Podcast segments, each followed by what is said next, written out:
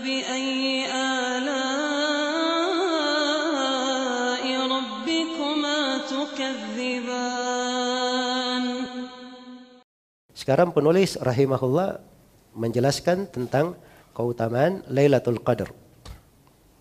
Iya, keutamaan Lailatul Qadar. Kata beliau rahimahullah wa turja Lailatul Qadri fi dan diharapkan Lailatul Qadar. Kalimat yang beliau pakai itu kalimat diharapkan. Iya.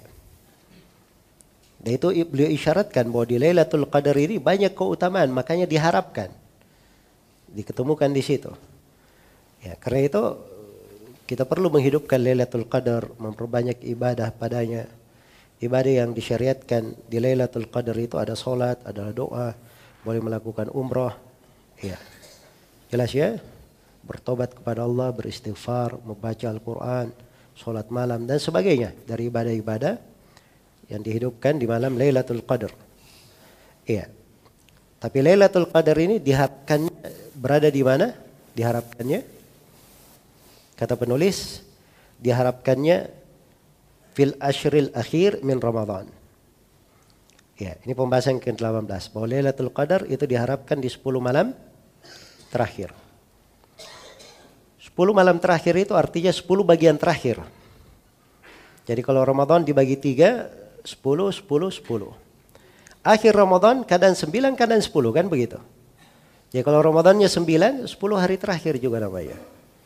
10 hari terakhir dari penamaan taglibiyah di apa namanya mimbabi taglib didominasikan seperti itu 10 iya 10 hari terakhir karena banyaknya hadit-hadit dari Rasulullah Sallallahu Alaihi Wasallam yang menjelaskan tentang hal tersebut iya misalnya dalam hadit Aisyah riwayat Bukhari dan Muslim Rasulullah bersabda taharrau lailatul qadr fil witri min al ashril awakhir min Ramadan. Carilah Lailatul Qadar itu di malam ganjil di 10 hari terakhir dari Ramadan. Kemudian kata beliau wa autaruhu akad. Ini pembahasan yang ke-19. Dari malam 10 malam terakhir yang paling diharapkannya di malam apa? Di malam ganjilnya paling diharapkan. Iya. Di malam ganjilnya. Dan itu ditunjukkan oleh banyak hadith ya dari Nabi Shallallahu Alaihi Wasallam. Iya. Ya, kata beliau wa inni urituha lailata witrin dan saya diperlihatkan Lailatul Qadar itu di malam ganjil. Wa lailatu sab'in wa ishrina ablaq. Kemudian pembahasan yang ke-20 bahwa malam yang ke-27 itu yang paling diharapkannya. Yang paling diharapkannya. Karena kebanyakan hadis tentang hal tersebut. Sampai datang dalam sebagian riwayat Nabi berkata Lailatul Qadri Lailatul Sab'in wa Ishrin. Malam Lailatul Qadar itu adalah pada malam ke-27. Jelas ya? Tapi 10 malam terakhir itu dihidupkan semuanya. Kalau dia tidak tidur 10 malam terakhir, pasti dia dapat apa? Lailatul Qadar, itu pasti. Iya. Jelas ya?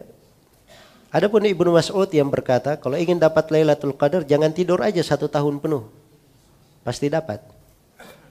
Nah, ini kata Ibnu Umar, Ibnu Mas'ud itu tahu dia di 10 hari terakhir. Hanya saja beliau tidak ingin manusia bergampangan. Ya, manusia bergampangan. Baik, kemudian di malam Lailatul Qadar di antara hal yang disyariatkan juga kata beliau wa yad'u fiha bima warad. Ya, dia berdoa di situ dengan apa yang warid. Dengan apa yang warid. Ada hadis dari Nabi sallallahu alaihi wasallam diriwayatkan oleh Ahmad, At-Tirmidzi dan Nasai dan Ibnu Majah dari Aisyah radhiyallahu taala anha, Nabi mengajarkan doa, Allahumma innaka afuwun tuhibbul afwa fa'fu anni. Itu hadis yang masyhur ya, tapi hadisnya ada kelemahan.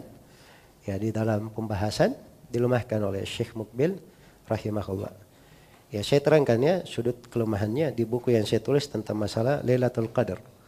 Tapi berdoa di malam itu penuh keutamaan. Dia mau berdoa pakai doa ini, doa yang lain silahkan. Dia doa apa saja. Kalau ada doa dari Al-Quran, doa dari sunnah Nabi Wasallam itu lebih afdal dan lebih utama.